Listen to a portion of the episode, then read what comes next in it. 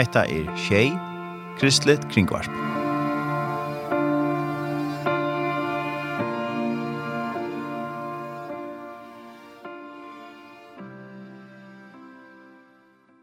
Velkommen til uh, morgenshendingsna her uh, av Kristelig Utersøyne Tjei. Og um, vi er ferdig å sende i några timer. Og mitt navn er Tørren Salsen, og jeg får så sitte her i några timer og ha en sending. Vi færre at uh, byrja hese sending ved en sanje, og det er jo det er i uh, Tinstrid, som uh, har vært gjørst uh, sang, og det er sangren Named, og det er Maria Lesne som synger. Thank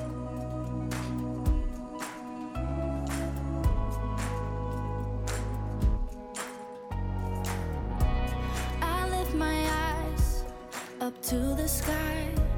I fix my mind on who you are and all you promised. I give my life a sacrifice. To you and I choose to go where you have called me. I'm crucified and testify in you I am alive. In you I have been named.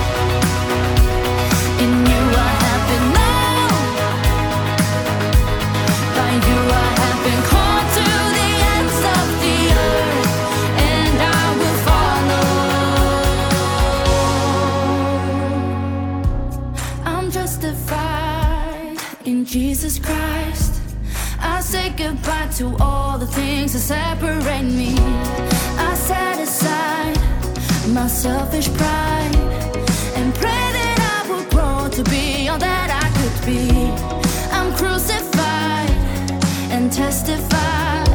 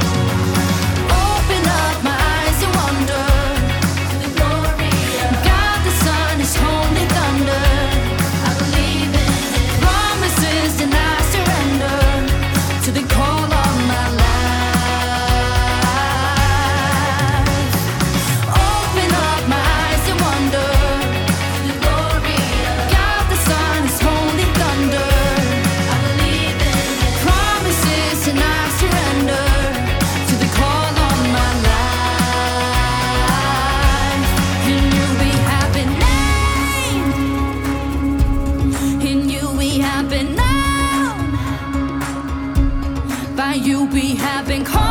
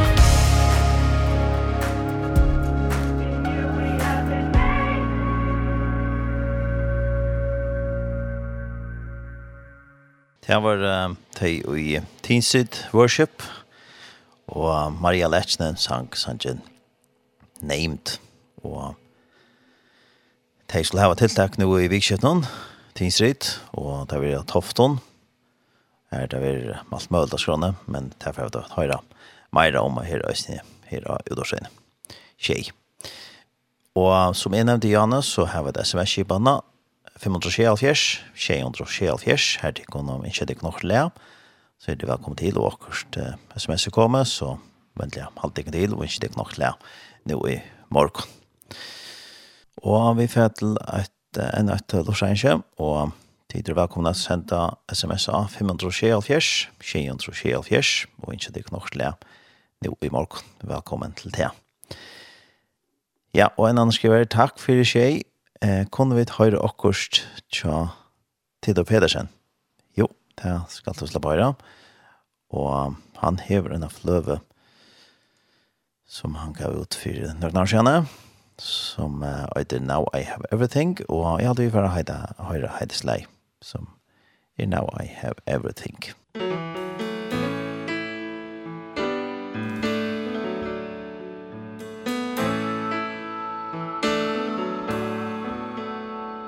had nothing but heartaches and trouble I was seeking for fortune and fame I had nothing but doubts and confusion.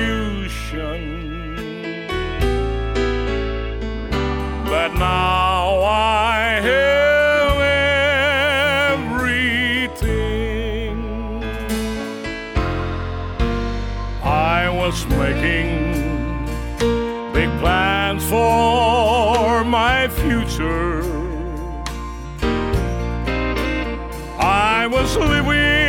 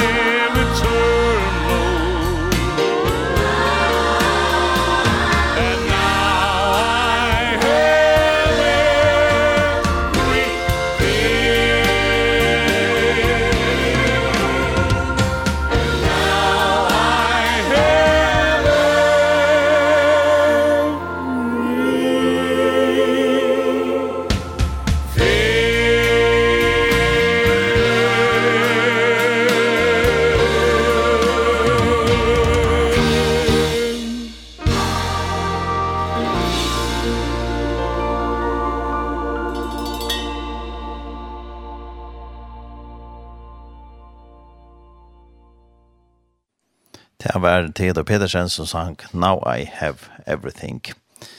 Og det var en nøyt lorsenskje, og vi tar sms-nummeret 524 624 her til kunne ikke det kunne nok nå i morgen. Velkommen til det. Annars så kan jeg si at uh, Og da sier en tjej, hever en heimasøye, som heter tjej.fo, og her stender i mest om uh, om uh, vi kommer til åkken, og også hva vi høyrast, og hvis man fyrer at det som øyter om tjej, så kan man også så tjekk hver vi høyrast uh, kring landet. Jeg vet her var sendere kring uh,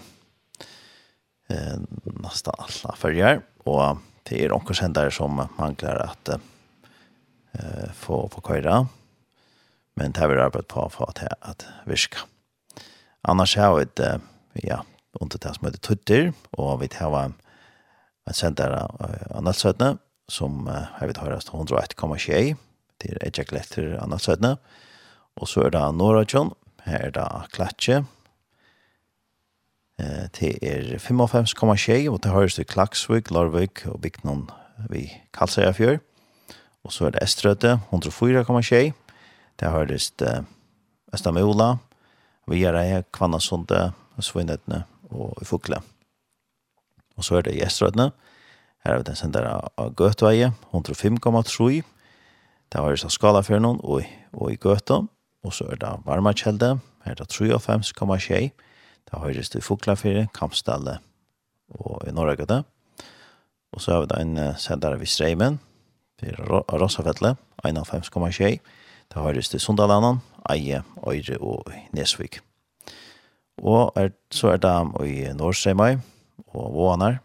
Her har vi en sender på Somfettle. Han høres av 95,6 av Somfettle. Det høres det i Norrseimøy, Kotla 4, Stitjenon, Leinar, Kvivuk og i Vavnen. Og så er det Vestmanna, her er den sender som er snitt 91,6, det høyres det Vestmanna og Øyrajek. Og av Prestlandnon, uh, er det 51,6, det høres til Møveie og Sandaveie. Og så er det i Sørveie, 54,6. det høres uh, i Sørveie, Vansøren og Bø og Gassadal. Og i Sorøytene, her har vi en senter av Ornafjallet, 104,6, det høres til i Sorøytene, Tvøre, Øravøyk, Famien og Hov. Og Hestenon, 102,6. Det høyrest i Sorøytene og i Vaje, Sumpa, Lopra, Akron, Porskjere og Hov. Og så er det tvarsendere etter til i Kvalpa, 102,6, tar seg i Kvalpa, og Sandvik, 51,6, høyrest i Sandvik og Duimon. Eh, jeg tror ikke å si om Tarpa-senderne på Kvalpa og Sandvik om Tarpa-senderne på hva er det skulle så være nær vi at det forhøyest her. Mm fra Heimansenderen. Men annars kan man finne alt dette inne av ja, Heimansen i Tjokom, tjej.fo. Og så færer vi til uh, et lorsenskjøtret, og tidligere er velkommen at uh, skrive inn til okken av 500 og tjej av fjers, tjejendro og tjej av fjers. Her skriver jeg en annen lorstare. God morgen, takk for god ras. Kunne vi høre gakk til trykker. Ja, takk for helsana, og du skal ta på høyre der Så det er flere som synes han, og jeg har funnet han her vi bar, og jeg kan ha læsene gakt ut sikkert.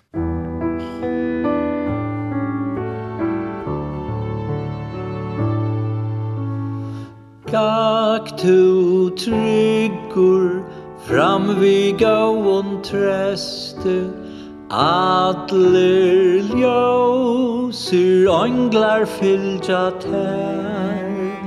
Herren han er vinur tunt tan beste. Hansar eia atlar vandar sær.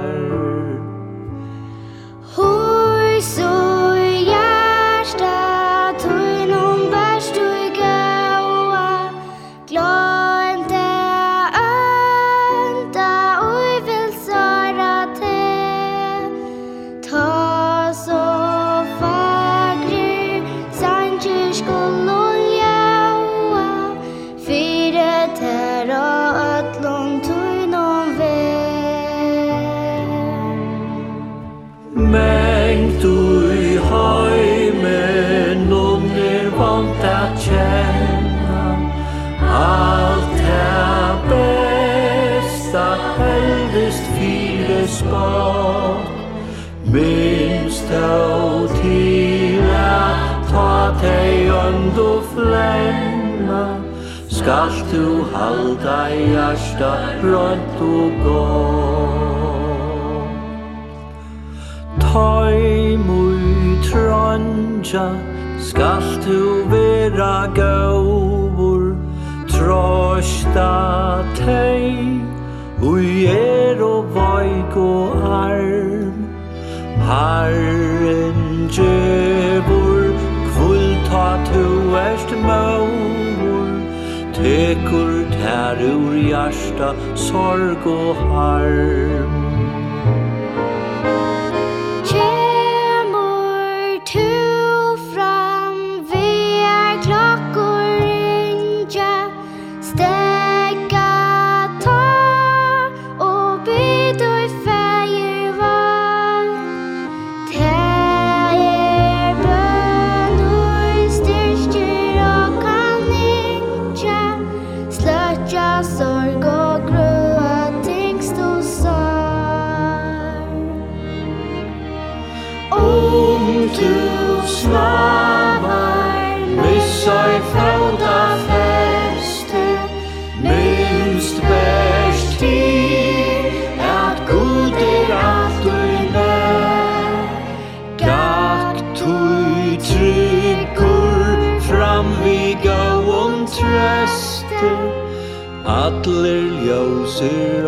englar fylgja tær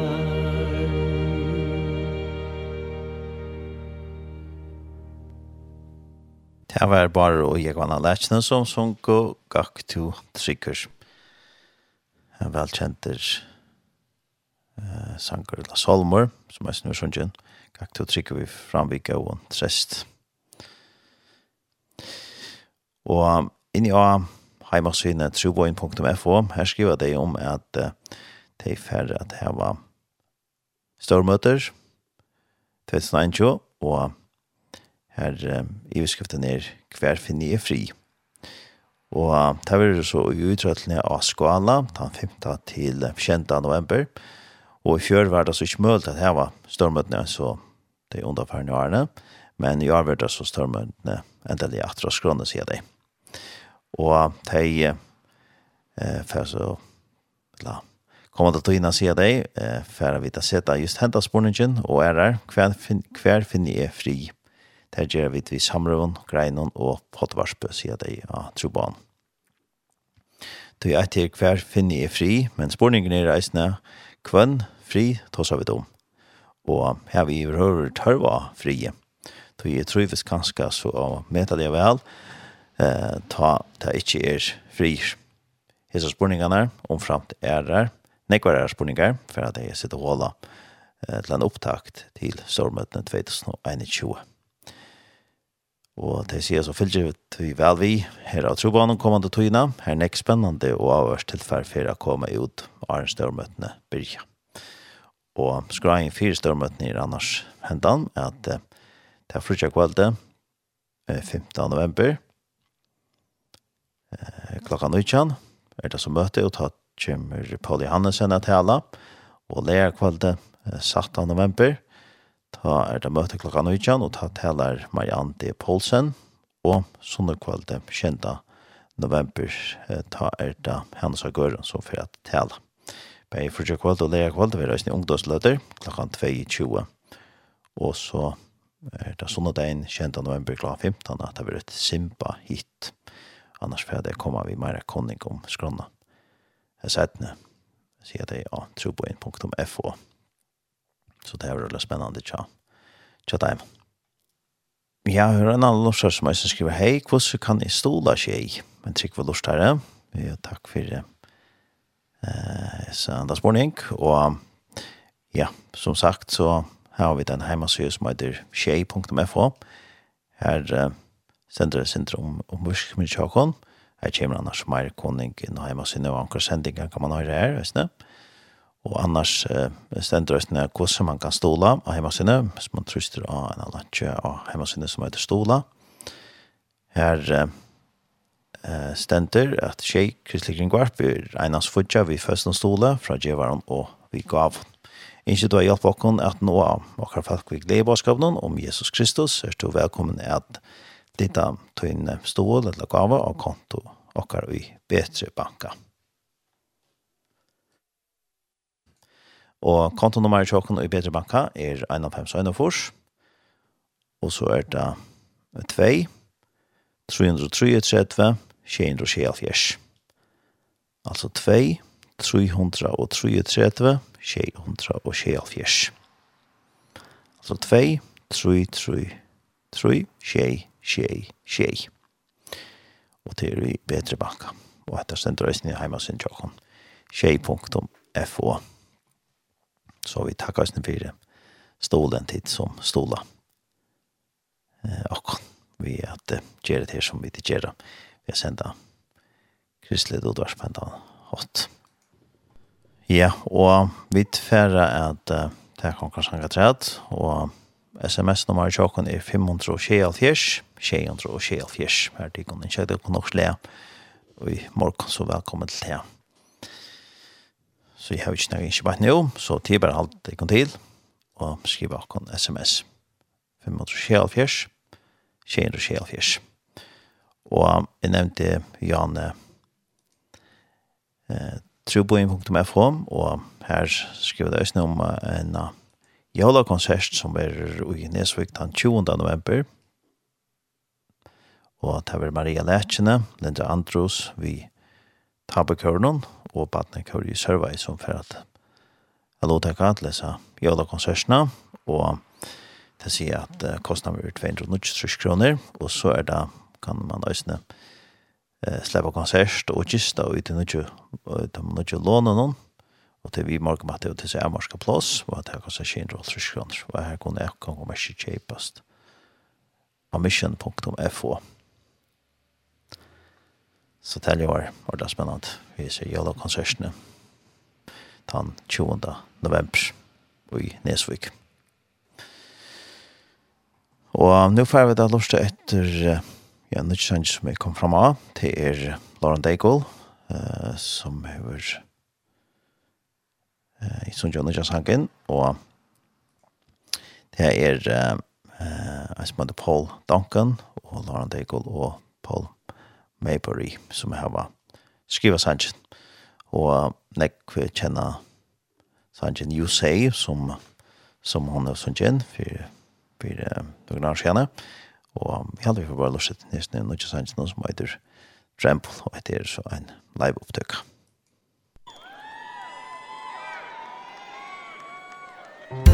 I will tremble at no other name heart surrendered to no other reign. I will bow at no other throne And rest my heart at no other home. Let these hands at no other ground Let these knees fall on no other ground. Draw these eyes from the gold that won't shine. You turn this life from water to wine. And I tremble.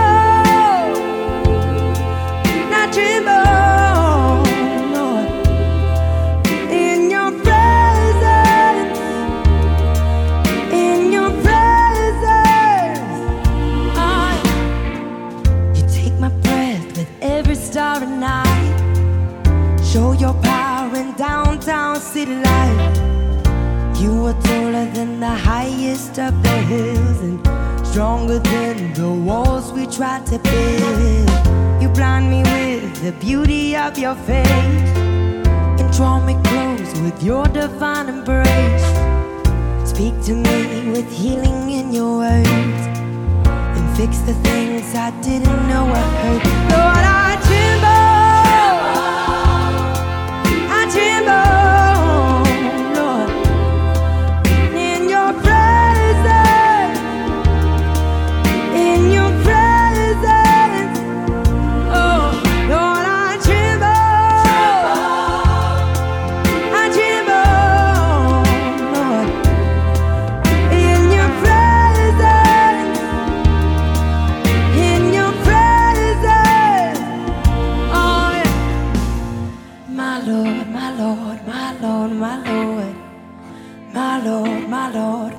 Lord, my Lord. My Lord, my Lord, my Lord, my Lord. To you alone, to you alone be praised. Oh, who could take the place of Who what compares the honor for everything that you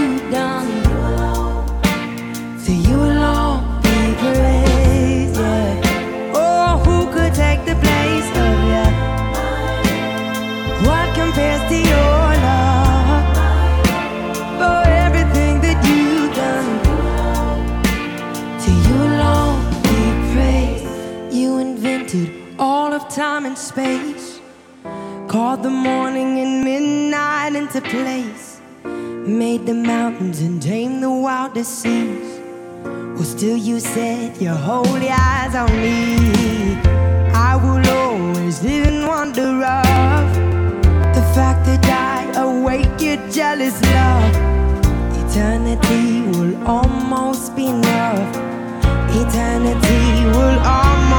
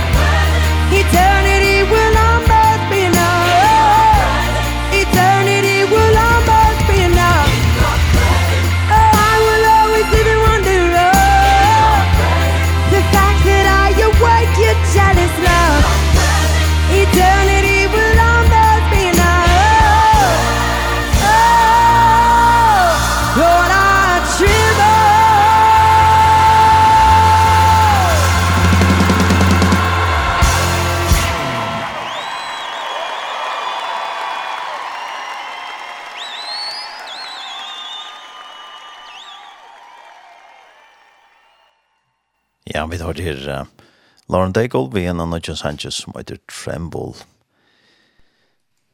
Bivan og i uh, nervene tja godt. La.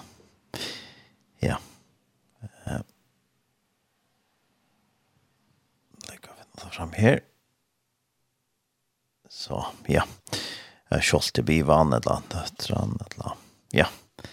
Og i nerver gods en fantastisk sang, en fantastisk tekster om at uh, være nære gods og være hånden nær. Ja, så får vi at jeg kan en enska sang, og han er til Bøtkeren Plom, og han er God will take care of you, og han och drøst en förskon Herren skal hjälpa dig så han får da lov sette nu. Annars har vi et SMS-nummer Chokon er 574 674. her er det välkomna din ikke nok til le. og i morgen velkommen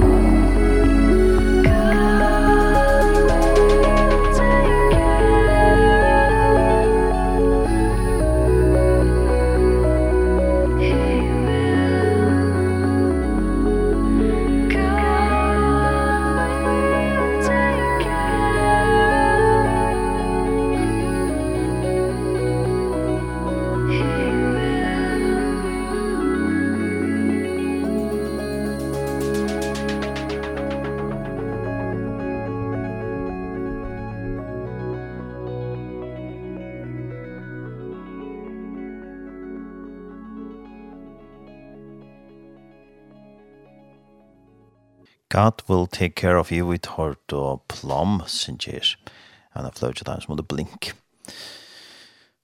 Og jeg får nå at uh, lese en uh, andakt, og det er uh, Ranva Røytoft som hever skrivana og stendig inn i hjemmesiden i kjeldan.fo.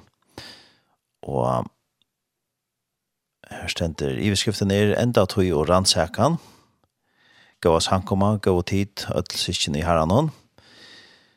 Eh, jeg kom i at deila nekka tankar, og til jeg liker meg hjersta vi tikkun, ut fra nøkron versjon og i årenon, eh, som har arbeidt nek vi mer til senest og togina, og som har vært mer en anmenning, oppvekjan, etjan og okan. Og jeg vil oppmuntra til å leses i år, og jeg vil her deile, og grunda i vårt hei, døm om og hoksa tøyna egna støv til vi omsorgen og kærlega at jeg heter skrive videre i endan av teimann søste tøyene. Jesus kommer kjøtt. Og det kunne vi si ut fra nekvontekkene som hentet og ut fra det som vi leser i Bibelene. Og i Lukas kapitel 21 tar seg Jesus om uh, syne at og hvordan det fer at vera. Og i vers 34 gjør Jesus en avværing. Og vi kan lese eh, det verset. Men vi vere varner at gjørstetikkere ikke skulle være tingt av svirre og drikkeskapet, og sjot fyrir jeg som løyve. Så at han dævren kommer uh, dottlige av tikkun som ein snæra. Uh, vers 35, tog at koma skal han og all teg som bygger om at han gjør kring. Vær ikke tog av hver stund og bygge, så at de kunne være førre for at komme undan til hesen, og hente skal og standast for menneska sånn. Og i vers 4 så gjør vi Jesus en avværing om nekka at hoksa om, ikke inn etter og døm om sine egna støve, så at hesen dæver ikke kommer dottelig av det som ein snerra. Hva sier Jesus her? Jo, at uh, akkar gjørstå ikkje skulle være tingt av svirre og drikkeskapet, og enda sut fyrir hesson liv. Du er kanska storen, bensjen og øttast, ja, eller hever du kanska herst tøyt hjersta. Vers 35 sier at ånden slipper undan, du koma skal dævren av ødl, som byggva om atlan gjerrekring. Men Jesus hever eina løsjen, edjan, okan, klokken ødl og i vers 36 om at verja og vera beande, og om vi kunne vera førfri at komast undan ætlen hesson og standast for menneska sånn. Vilt du ta, vilt du vera vi, ta Jesus kjemur at henta syne. Djevelen gjør alt for at vi skulle missa løyve og i Jesu. Og i fyrsta Peters brev, kapitel 5, vers 8 stender, at han gonger om som en brøland leiva, leidande etter tog, eh, som han kan gløypa, så ver væren. Han kommer også ned at eh, vi sni alle bånd, farligere, let ikkje lumpa. Gå tid, nu i havet skriva så alvarsamt, og det er alvarsamt. Alt er kærlega, men ikke er så rukt som det livande år. Så gjør det stunder at lesa hese løsale år, og i Anna Peters brev kapitel 1, fra vers 3 til 11, og de gjør så løs. Vi vet at hans er goddomlige måtter, hever givet okken alt her, som hører til løs og gods øtta vi kunnleggene om han. Som kallar okken vi sine ekne dyrt og kraft. Og vi heimon hever givet okken til største og dyraste lyfte, for at tid vi heimon skulle være fellegjær og goddomlige natur. Ta i dit komast, undan uts undan spittlingene og i hesen heimen som stedst av Gjerndon.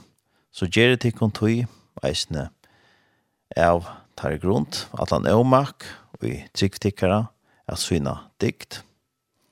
Og i diktene kinsemme og i kinsemmene avhalt og i avhalt noen tolmå og i tolmå noen godsøtta og i godsøtta noen brøvekarlega og i brøvekarlega noen kærleika.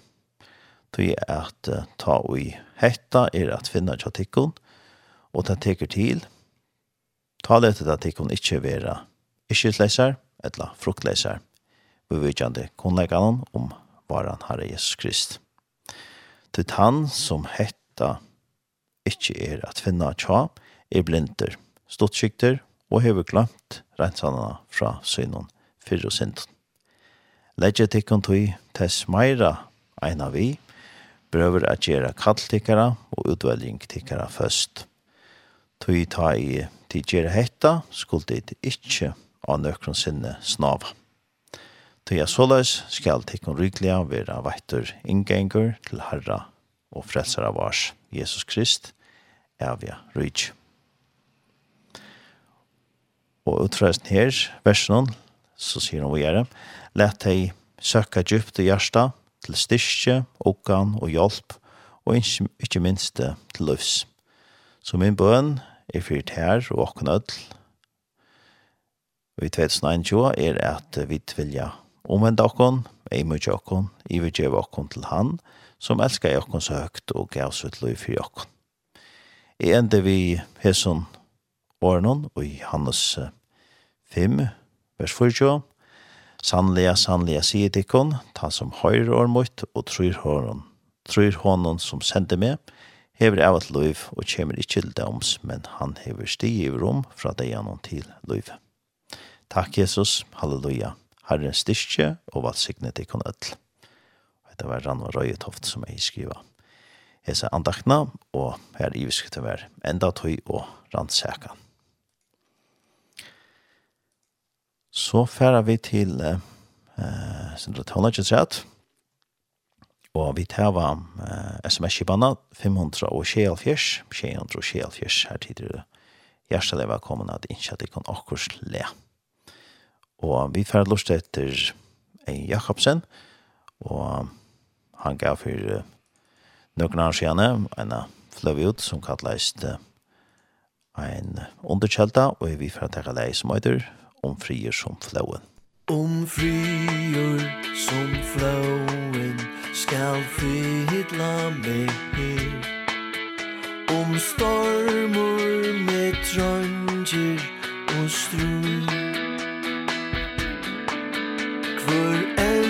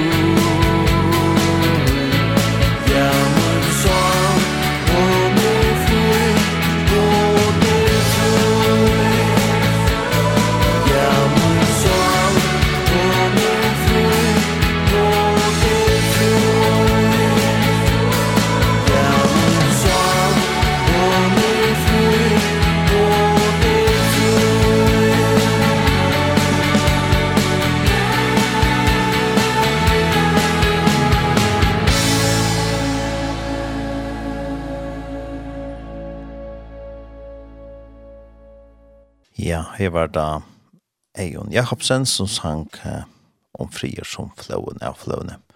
En under kjelta som man kan utfyre noen annen siden. Og uh, mitt færre vi sender ikke en del som jeg høyre om uh, Christmas Child vi får få just uh, vi jokken om en løt. Og uh, vi kan uh, nevne at, at vi tar våre en teltepostadresse som heter shei, kurla shei.fo altså stava sja kurla sja.fo hvis det er akkurat eh, kanskje som tid alt da vi skulle tidje og eh, nevnt her og i ut av skjøyne, ja, om kun tiltakje eller akkurat, så er det velkommen å sende dere en teltepost til, til teltepostadressene, eller De kan også sende dere et sms av 574, 574. Så kan vi kontakta dere. Så det er du velkommen til. Hvis det er akkurat tid ikke at vi skulle tidsi opp, eller ganske krevende, eller ganske hoskått, og til noen sending, eller akkurat. Så er det det som er velkommen til det. At skrive akkurat helt av oss, eller et sms. Det er det hjertelig velkommen til. Ja, og jeg får nevne et uh, tiltak som uh, verer nå. Nå skal jeg finne det frem at her. Uh, ja, det er uh, vi solgte i Glorie Klaksvik. Her får det vidtjen av uh, en som heter Pernille Liland fra 21. til 24. oktober. Uh, vi er hon, og her uh, verer i mest av skrånene her verður ungdomsmøte i høstkvalde, kl. 20 og møte i lærdagen kl. 19 og sundagen kl. 12. Og at rett og så blir Østner profetisk undervisning og vending lærdagen 23. oktober fra kl. 20 til 16. Men det krever tilmelding til dette her. Og her kan man sende et sms og 28 31 33. Altså 28 31 33 kan man sende et sms hvis man ikke har tilmeldt oss litt her. Det er en profetisk dag vi Pernille Liland. Ja, og klokka nøy gjennom kveld til bjør det så til et møt, et åpen møt. Så etter hver 3. oktober fra klokka 20 til 16, at jeg så det i Glorie Klaksvik bjør til profetisk dag. Ja. Ja, så færa vi et Uh, vi er det, og nå bare at jeg ikke kom her, kanskje klarer jeg å finne det ordentlig kjøtt. Og um, sankeren som jeg har her, han var til stenter ja, det er i syskjene av gæren og alt det der. Ja, legger finne det frem at det er Så det kan finne sms stå her. Her stå. God morgen kan jeg høre noe leie takkarsonker og til, til sysken i gærne som synes jeg. Ikke det kan atlan ødlån en valgsikne enn det. Jo, og han sannsyn. Ja, var vi her, you know nu får han nok som vekk, men jeg, jeg kommer hjertelig til den sangen, så takker vi det en annan sang Arne til. Og til kunne sende sms av 524 600 og 624. 524 624. Vi får høre Rein Gottesen Arne til, og han synger Nøyen til Bers.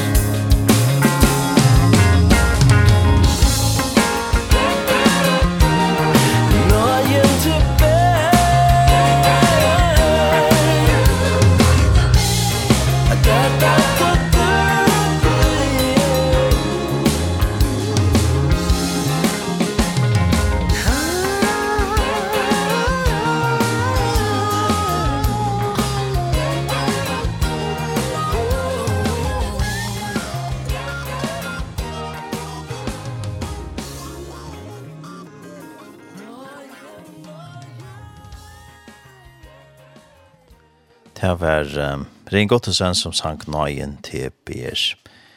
Ja, og um, vi fanns så til uh, Okolosjøen 23, og vi tar sms nummer 524, 674 er sms nummer tjokken, og jeg kan også nevne til at vi tar en Facebook-søye, som heter Tjej Kristelig Kringvarsp, og tid er velkomne for en nære damasøyene, og fylgja søyene i østene. Og Her vil legge i miskar kunning og møter seg inn her.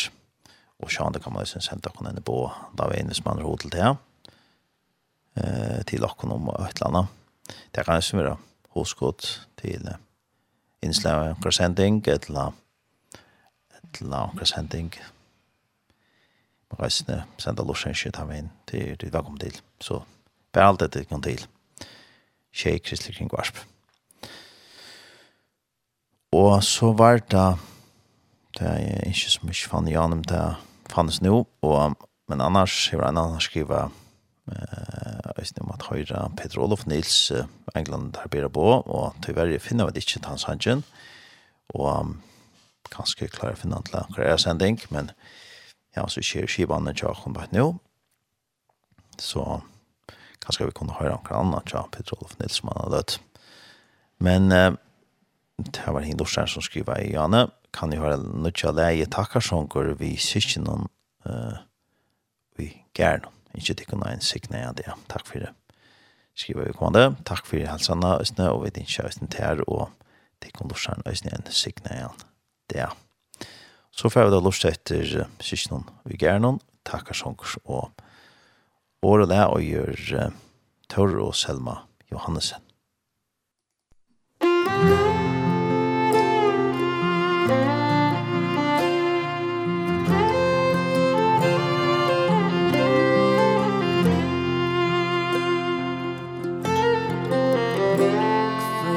Årstøyen hever søyt menstur Som god henne gav fatt no tøy. Ta gjøren vær hangd oppa åndsje Og minn fjallon og loj Så trufla som heldur ter ringras Som god sjavur sett i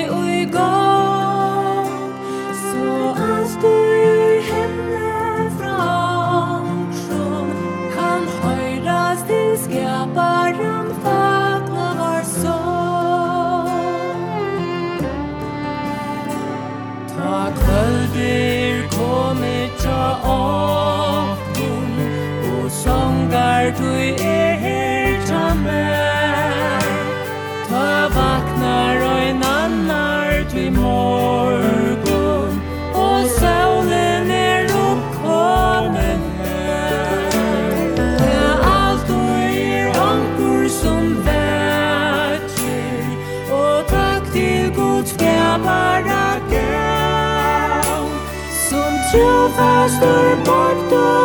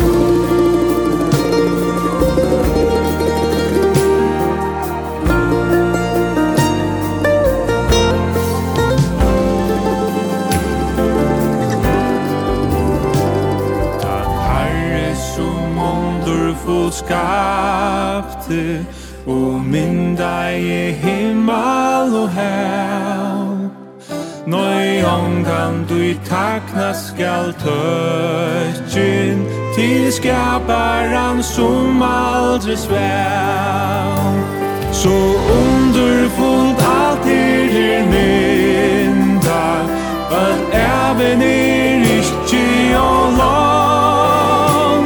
Er lås inja lamben hon høyur Og senda til skaparen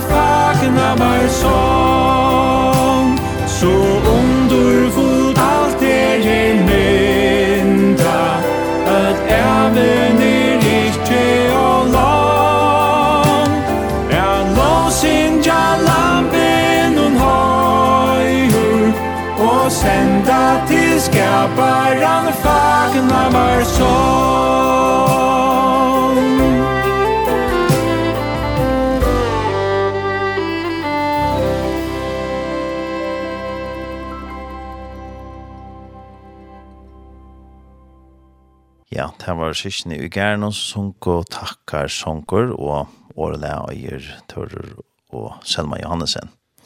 Og nå har vi så finnes jeg eh, gjest her i Udorsona og til Lissi Hansen. Velkommen, Lissi. Ja, takk for det. Og det som vi får prate syndrom til er Operation Christmas Child. Og etter et tiltak som vi vil skråne i Nekvar, og vi til følgende av til tidsdag og til lakken. Hvordan går det? er det sånn nå? Ja, jeg vil sagt at um, en av 1893, så det har jeg sier det at det er nok snakvar. Ja. Yeah kan man säga. Eh, till här började i Amerika och jag har alltid stått att han har det vi i Luton på Höjbygg att samla de första äcknar. Och så är det bara växer till alla färger och stånar och skolor och så vidare som djöva. Ja.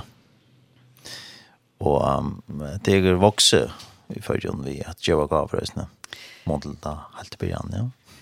Ja, jag har alltid först, först för det samma att det kom 300 äcknar Og i fjør kom om 3513 esker som ble pakket her, som var kommet kom, kom om man av um, færøyskip.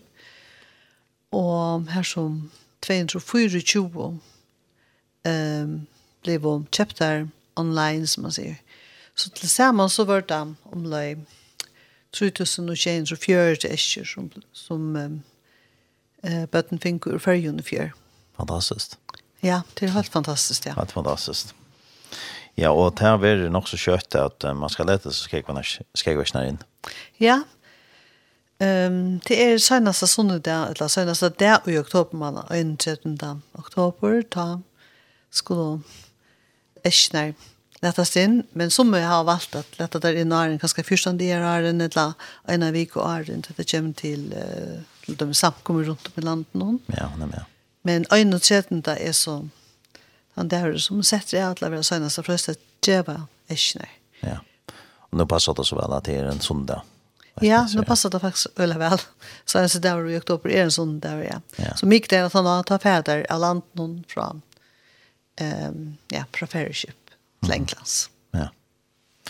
Och så man kan eh uh, nu nu närska sånn det til at det där ska jag kanske skulle ta sin men man kan ju inte hugga som där jag kan ta är en fyrrögast här. Ja, man vet om fler som faktiskt binder klubbar och äldre på ylde så är det som sitter och binder ganska flera manar är ehm Arne gavnar skulle lättas in och fyrröka sig till det och som det köpa utsöl och ganska ta utsöla ner runt om i landet och faktiskt ja eh fyrröka faktiskt i flera manar Ganske mm. år, åren, åren tøyen kommer til å lette skrekkvisjoner inn. Ja. Jo, ja, og um, uh, det er så imiskar støtte, eller imiskar aldre man kan lette andre skrekkvisjoner til. Ja, altså man skal velge om man vil en drong, eller en jento, og aldrene er i midten 2 og 4 og 5 minutter og 2 og 14 år. Mm -hmm. Så Så det det det skal ska man köra inte också om tar man ber at packa en sån äskje. Ja, Visst. man skal bestemme seg til om det skal være en drunk eller gento och vad allt vad allt skal være. Ja. Ja. Så er det kvar man ja, jeg vet ikke, kan man kan man kan köra en sån äskje till sikkert ja. det mest. Och han är er i år sitter bare på denne veien, at vi vet ikke hva ikkje den affæra. Vi vet vita tjøkken nekv år, eller öll årene, mm -hmm. hver ikkje den affæra, eh tar færne til Rumænia og Nekvar og Moldova eh østne enn fyrre og så fjørførte til Liberia. Og eh så ser jeg som at det kjelt man ikke vet hver ikke færre, og det halda vi østne at det er øyne kjelet. Men at selv om det er færre til dømes til Afrika, vi vet vi ikke vi har prøvd, vi vet ikke, som man sier, um, kristmasskjelde færgen, er under Englande, og mm. samband brøttar omstår i Englande, så vita jeg vet ikke hva jeg kjenner færa, altså tog jeg at jeg vet ikke enn, men det vant at det att komme første dagen, men om det kommer åren senest og frøst og lete ikke, det vet jeg vet ikke.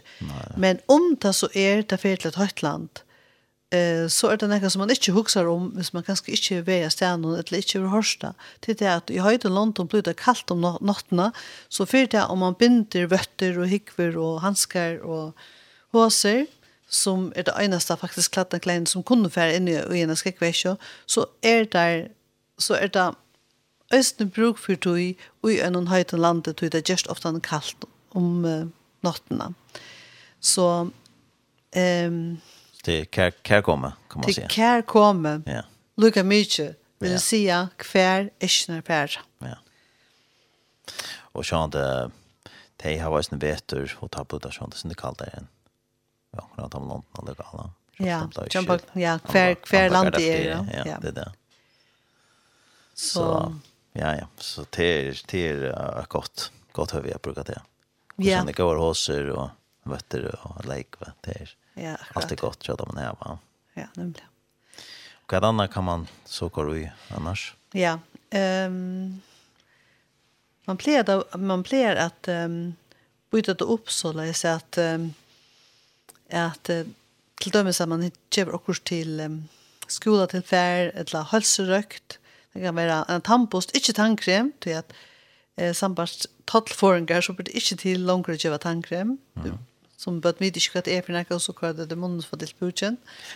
Um, men tampost, og det kan være en sapa, og det har vi fortalt før her, um, online som man sier at um, sapan kan være en, en, en fysisk, ikke, ikke flåtende sapa, men en hør sapa, kan være godt til om noen få, uh, tog at um, som är att man kanske ha ångat och lukta ångat och näka som luktar väl. Mm -hmm. Och man vet om böt som man finner en sap och det kan gå kring runt vid en lunch och bara lukta ja.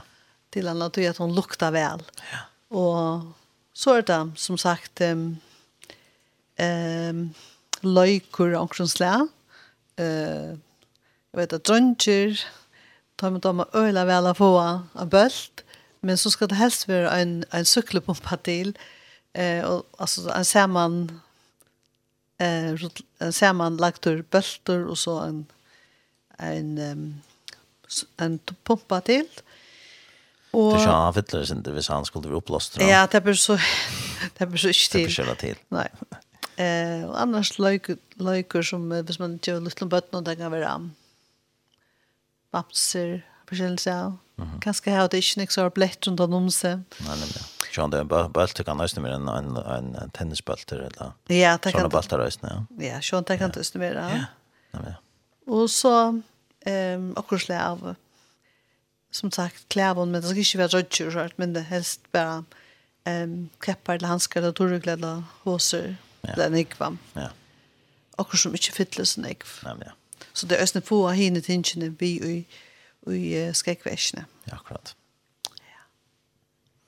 Ja, ein um, lusar spyr her kan ta øsne pakka til små papperskjer etla skal da vera skegvers. Det skal koste seg være så at det hever at eskjan hever et låk mm -hmm. eh, som man kan lytta eh, låk av til at alle eskjene være kannager i England. Så det kan vera nok til hvis det er øyn som er til dømes i kors tankrem og i etla hever kors sap kunne gått en høylig container ved stekka vår um, langre tog for at uh, færa vujar til, til disse trondkjende bøttene. Ja. ja um, så at om det, om det så velger en eskjo, så skal det gosse vara så man kan lytte låtje av.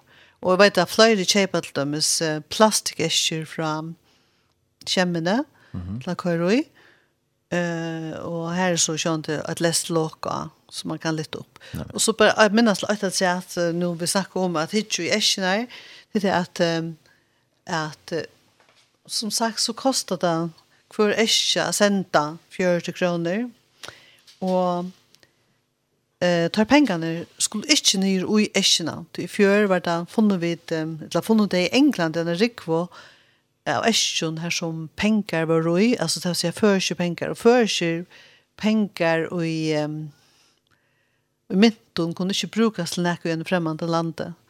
Eh, så man äntligen köra eh, pengarna i en konflikt och lägga dem man har. Um, så att det är könligare.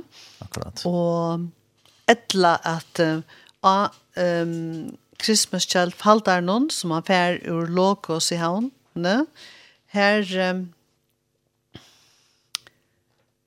Eh här finner man faltar hvis man bruk för det eller man kan färra ut um Christmas child varje eh till att printa en faltar ut eh så ser man här a för kontonummer man kan flytta pengarna då Det kan vara också små arbeten en söndagsskola i en um, en samkomma så så kan man ehm flytta pengarna ja. in här.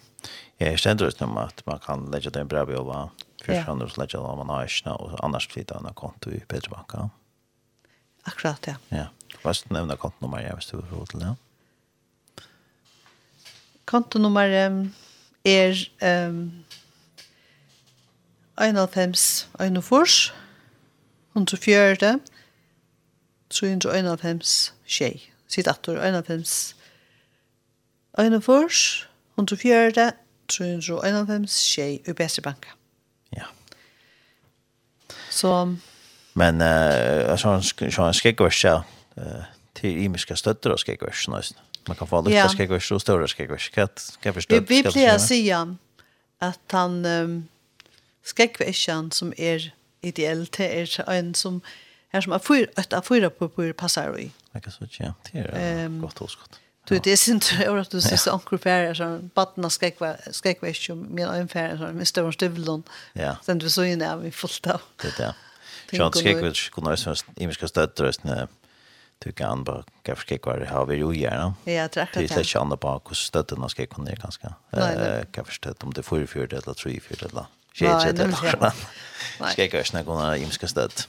Så det är gott hos gott. Så att att få rask passar vi så är det en passalig. lite. Ja. Stöd, fiskar. Ja. Ettla en plastic plastikkass, då nämnde man kunde köpa kämne.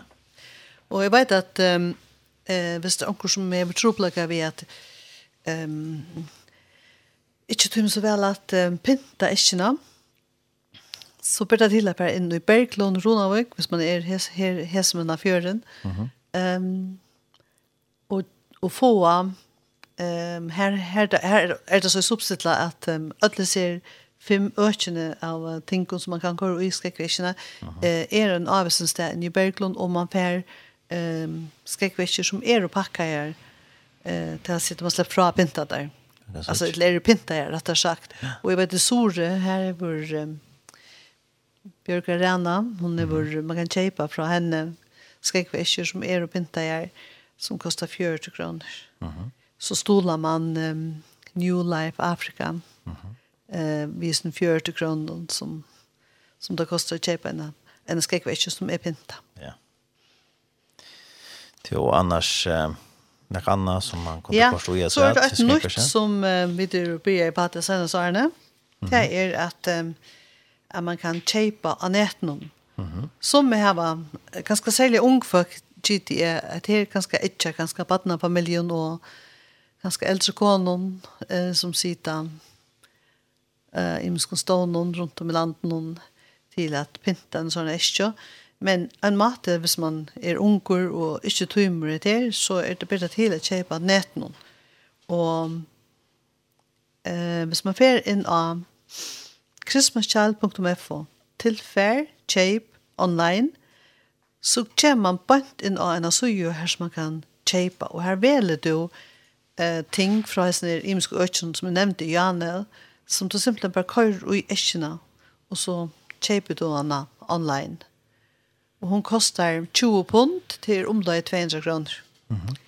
Så jeg får ikke til kun som, altså det er bare en annen mulighet å gjøre på hentematten, særlig de som er ung, eller yeah. de som er ung, har bare gitt at du bedre tøymer at kjøpte en esk og stola enn vattnet eh, på hentematten. Vi kjøper det, kjøper det online. Mm Og eh, er det, skal man også gjøre det her åren 2. oktober? Nei, dette kan man gjøre lukka til jolaaftan. Ja, sånn, ja. Um, ja, at jeg sier det at det er, tar ikke treten av at, men vi vet akkurat for hever, de svinger ut et tal, ak, et akkurat tal, um, det som kjøpte om online, fjør, mm -hmm. ur førjen. Så man kan vita akkurat det som det är. Och en som köper ett land, det är 500 som köper, nog ska jag kunna vita, så kan man lägga ett trätt till talen som kommer i fysisk connection om man har, smir, nej, om man har fellowship Ja. Hur snäck var det som köpte vi för online? 224. Ja, det var flott. Det är alltid är, det är väl köpt det är som att det heter nytt och vi väntar att det är för det helst vara mer. Ja, ja. Sean hvis man är packan hver ska så kan man lyssna göra där att det. Ja, akkurat ja. Det blir väl till. Hvis man gjerne gjør, vil gjøre flere you no? Ja. Ja. Det är og hvis det er 800 oktober som er også, og en november månad alla. Bara på de år, som man gärna chepa. Men en sånn här kan man gjøre det. Ja, det är akkurat. Det blir väl till ja. Man är ju det Ja, nämligen. Til at 13. oktober da er man ganske ikke så jolalig, jolalig sin, sinna vår, det som man sier kanske de inte med november månad så för man ja. kanske huxa om jolagaver och så kanske man inte huxa om att att ge en gåva till patak på. Ja, det. Det och annars kvad ehm vad ska man annars inte göra i när annars man inte ska gå in. Ehm ja, alltså man säger inte Nekka som man sett samband vi, hvis man huksar om løyker, så ska det inte vara något som man sett samband vi krutch till de spyrsur, knuvar, hermen, du er for öron, Og andre bøten her som krutsk er ganske en daglig där her er en sånn plastikbyrsta, hun er ikke, um, de, de forbinder den ikke til noen sort av skilt og sånn, som vi gjør at vi så en plastikbyrst. Uh, og ikke slikk og sjokolade og annan mat, eller annet flåtande, eller høyleva, et eller atronalien uh, lesna, og ikke kvassar og vikva man loder som man kan kjøre seg av.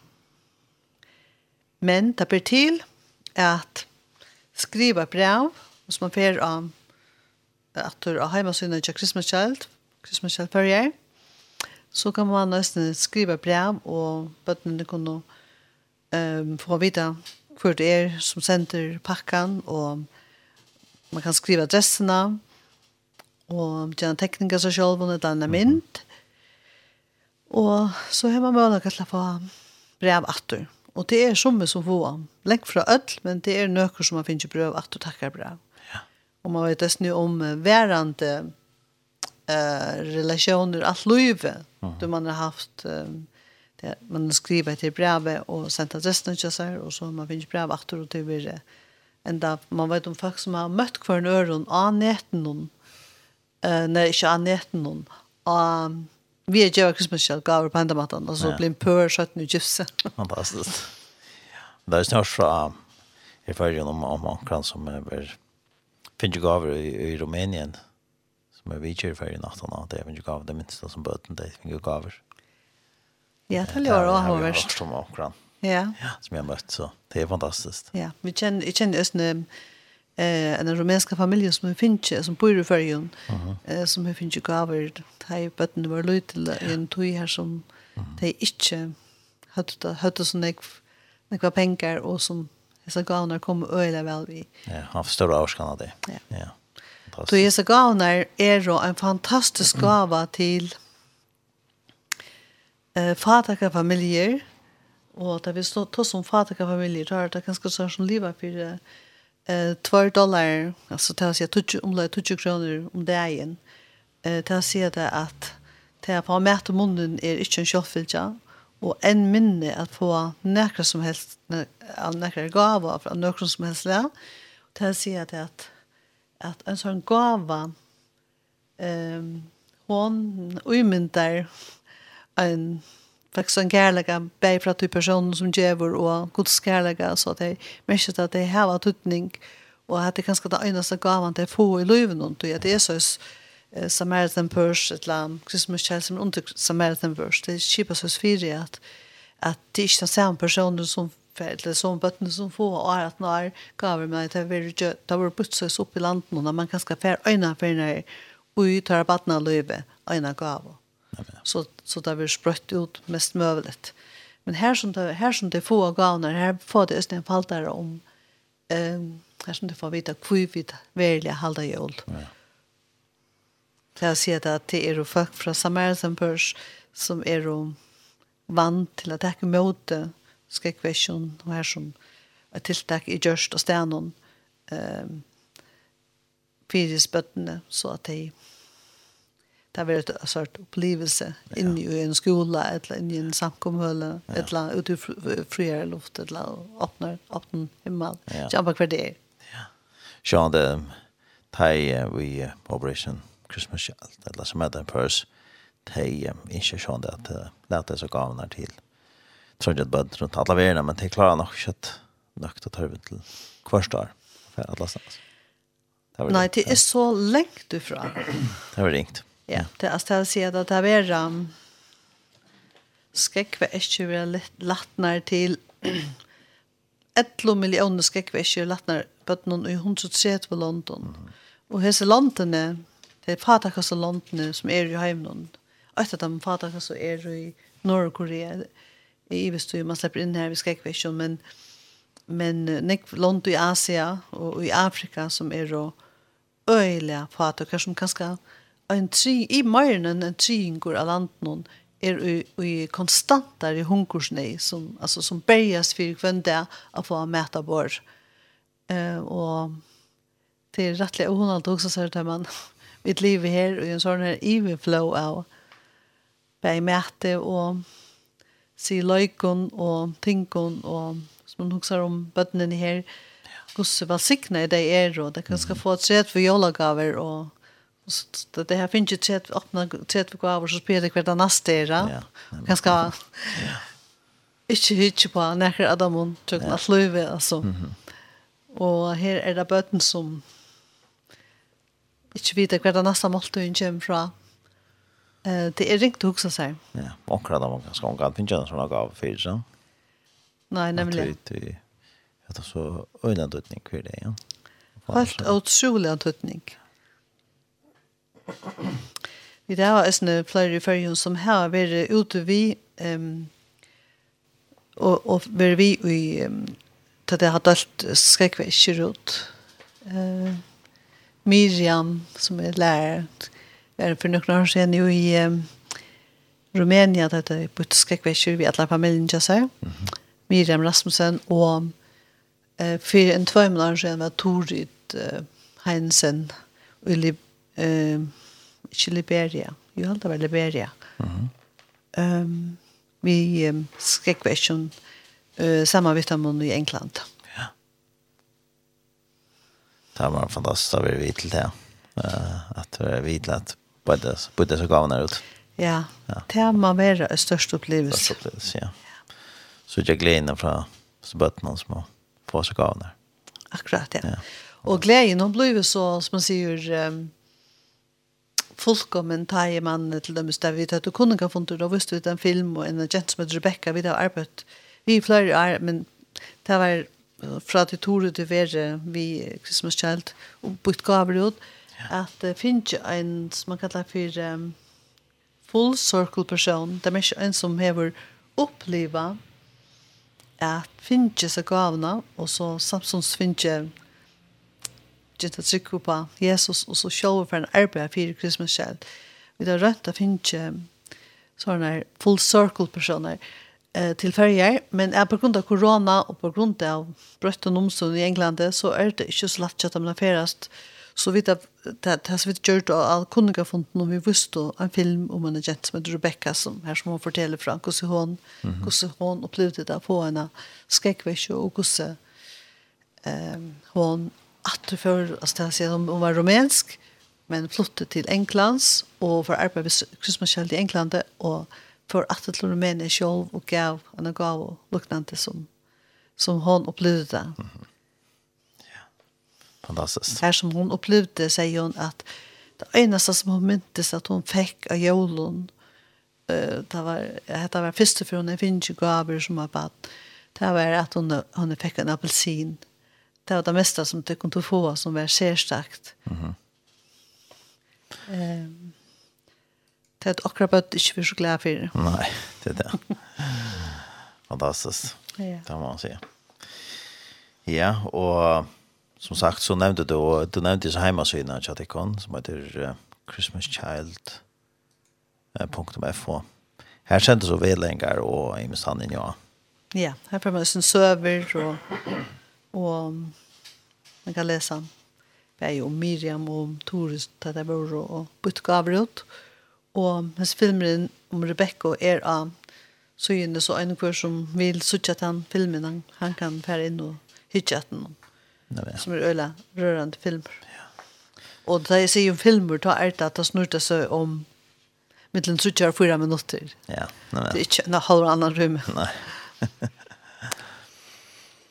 ja jeg vet ikke om det er något annat som uh, du borde nevnt. att Nej, jag får bara tacka Ötlund som tacka Förengon um, fra en enda land nå til en enda Og bare sier takk fire det väckna Christmas Child det som tid djeva Og jeg tykker vi at vi vet ikke hva for ringvirkningar hva hva det gåa hva det gjør vi bøttene ehm derfor har vi ganska omgang välja in en fætan av, tror jag det är du vet inte är det sån som det är om, men vi är bare bara säga tusen tack för det, det är arbeid som tid ut, att det är fantastiskt Man god var signat till kun det, så uttrykker vi att han som djever, ehm det med fatak, og han lärner herran och herren ska löna Ja. Det vill säga att och det var lönt väl ja, jeg hadde ikke man kan umynda omvända så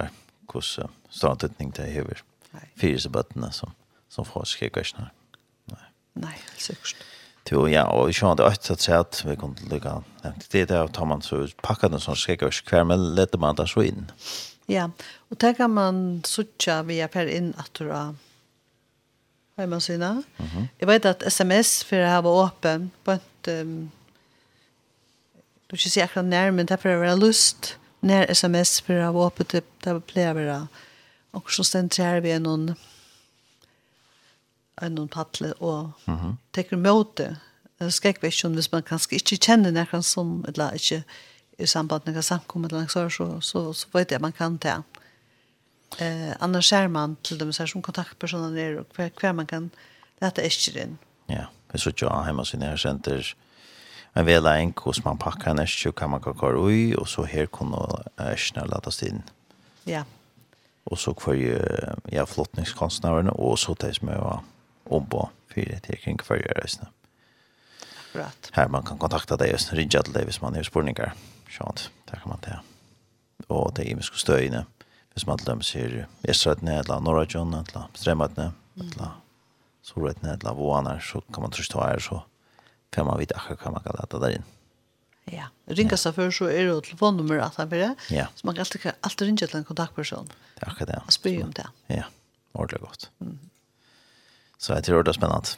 Og som sagt så eh, kan man eh, kjøpe seg her skreikvarsnøysen online av hjemmesiden og til lykke frem til 24. desember. Ja. Ja, ordentlig godt. Spennende. Ja, men jeg får si at det er større takk for at du vil komme vidt jokken ned i dag, og greit fra. Ja, takk så mye, hørerne. Og jeg hadde, vi kan skal takke en sang, eh, som du nevnte, eh, for alle gaver lærer seg takk. Mm -hmm. Det er en god sanger som passande at uh, vi sier takk for alle gavene. Ja, akkurat. Og det er de som øyta videre glede som, som synes. Så stora tack för pratet i morgon. Tack så mycket. Thank you.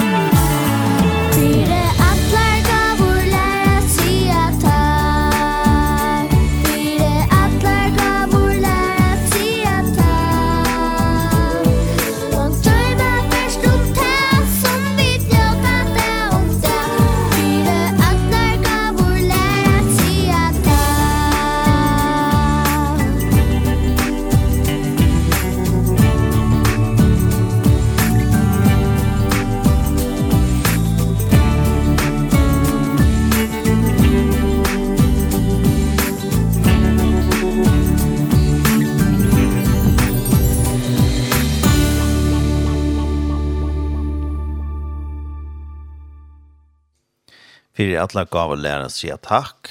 Vi tørt og en av fløy som kalles videre glede. Og vi har haft vidtjen av Lissi Hansen, som er greit å komme fra om uh, Operation Christmas Child, det som er som skipper for tog.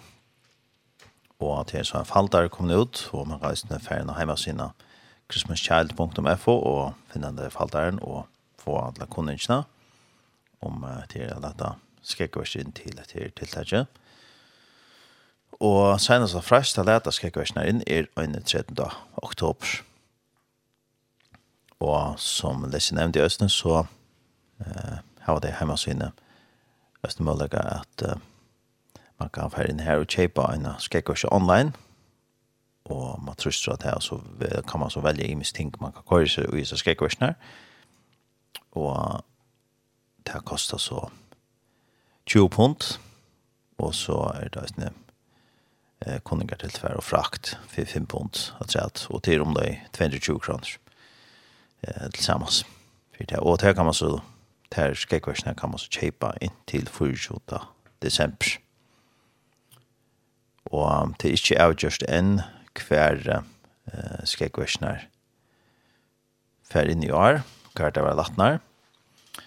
Eh, men det var något jag får vita att jag ta arden eh, under oktober hver det vers det er ganske imisk års som gjør det at det er ikke mulig at uh, en når det er hver hver som skal kvarsna ferien men uh, ferien har hjemme sina christmaschild.fo for det kom til fer bei om hva man kan korre gjennom skal og hvordan man pakker den, og hva man så kan lete der inne det er imisk stø kring landet, og imisk sundagsskolar, og imisk, uh, imisk kontaktpersoner som man kan lete skikvarsene inn. Annars nevnte jeg nøysen at vi sms vært det søsne mulig ikke at lete skikvarsene inn. Så det er fantastisk at uh, det gjør det her, og at det møller ikke at uh, stola som bøtt noen på enda nått. Og man kan så velge at gjerne skrekvars til en dronk eller jente, og og så kan man velge aldersbølg 2 til 4 år, etla 5 til 9 år, etla 12 til 14 år. Og som man nevnte i Østene, så støtte nøyne skjegverkje. Her passer alt vi sier til A4-arsk passer han i roi skjegverkje, så er det han passer i støtt. Jeg halte vi for å høre en av sang som hever vi uh, Christmas Child å gjøre, og det er en sang som uh, en, en, en Jenta som synger som heter Melissa Bester. Og det er en sanger som ble gjørt i samband med Christmas Child i 2012. Han heter Love in a Box. Musikk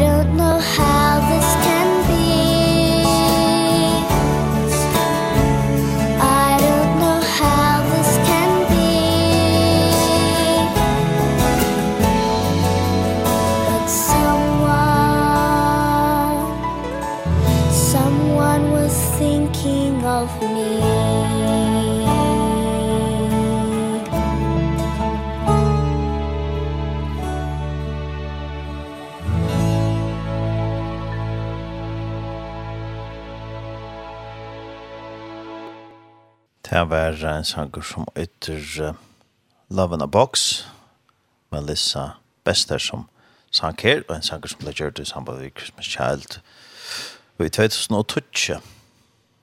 Ja. Ja, som sagt så har vi tåsa om uh, Christmas Child og Lissi Hansen, hun greit fra. Så ser det avverst. Og som man nevnte at det er nek som kjøpte uh, skal ikke være skjer i føyene online. Men ja, i vet veien så har de ikke vært kjeft her her.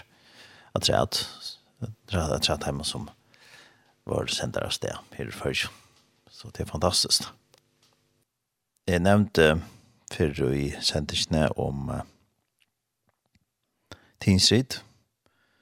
Og det var en tinsrid leva av nå i augustmåneden. Og de søtte så alle evne at jeg får ikke at det enda her, men at jeg tiltak for at det er skrånne nå i høst, og ta ut til Teen Street Celebrate, ta vi så nå lærkvalgte 23. oktober, at jeg får møte stater i, og ta vi ned på Tofton, og her er det ikke spennende å skrånne, her er bøyblondevising, og The Big Adventure, den spennende ferien, Main Hall, og Throne Room, og det var reisende vi til eh, førska låsensbøtsene.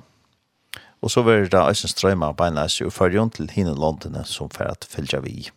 Så det var ordentlig spennende at, at uh, for gang til vi til her, og det blir klokkan 18, altså leia kvalde, 23. oktober, og main hall var så klokkan 18.30, og så går det så vi er jo da alt kvöld her, nekvi i mistvira skrån.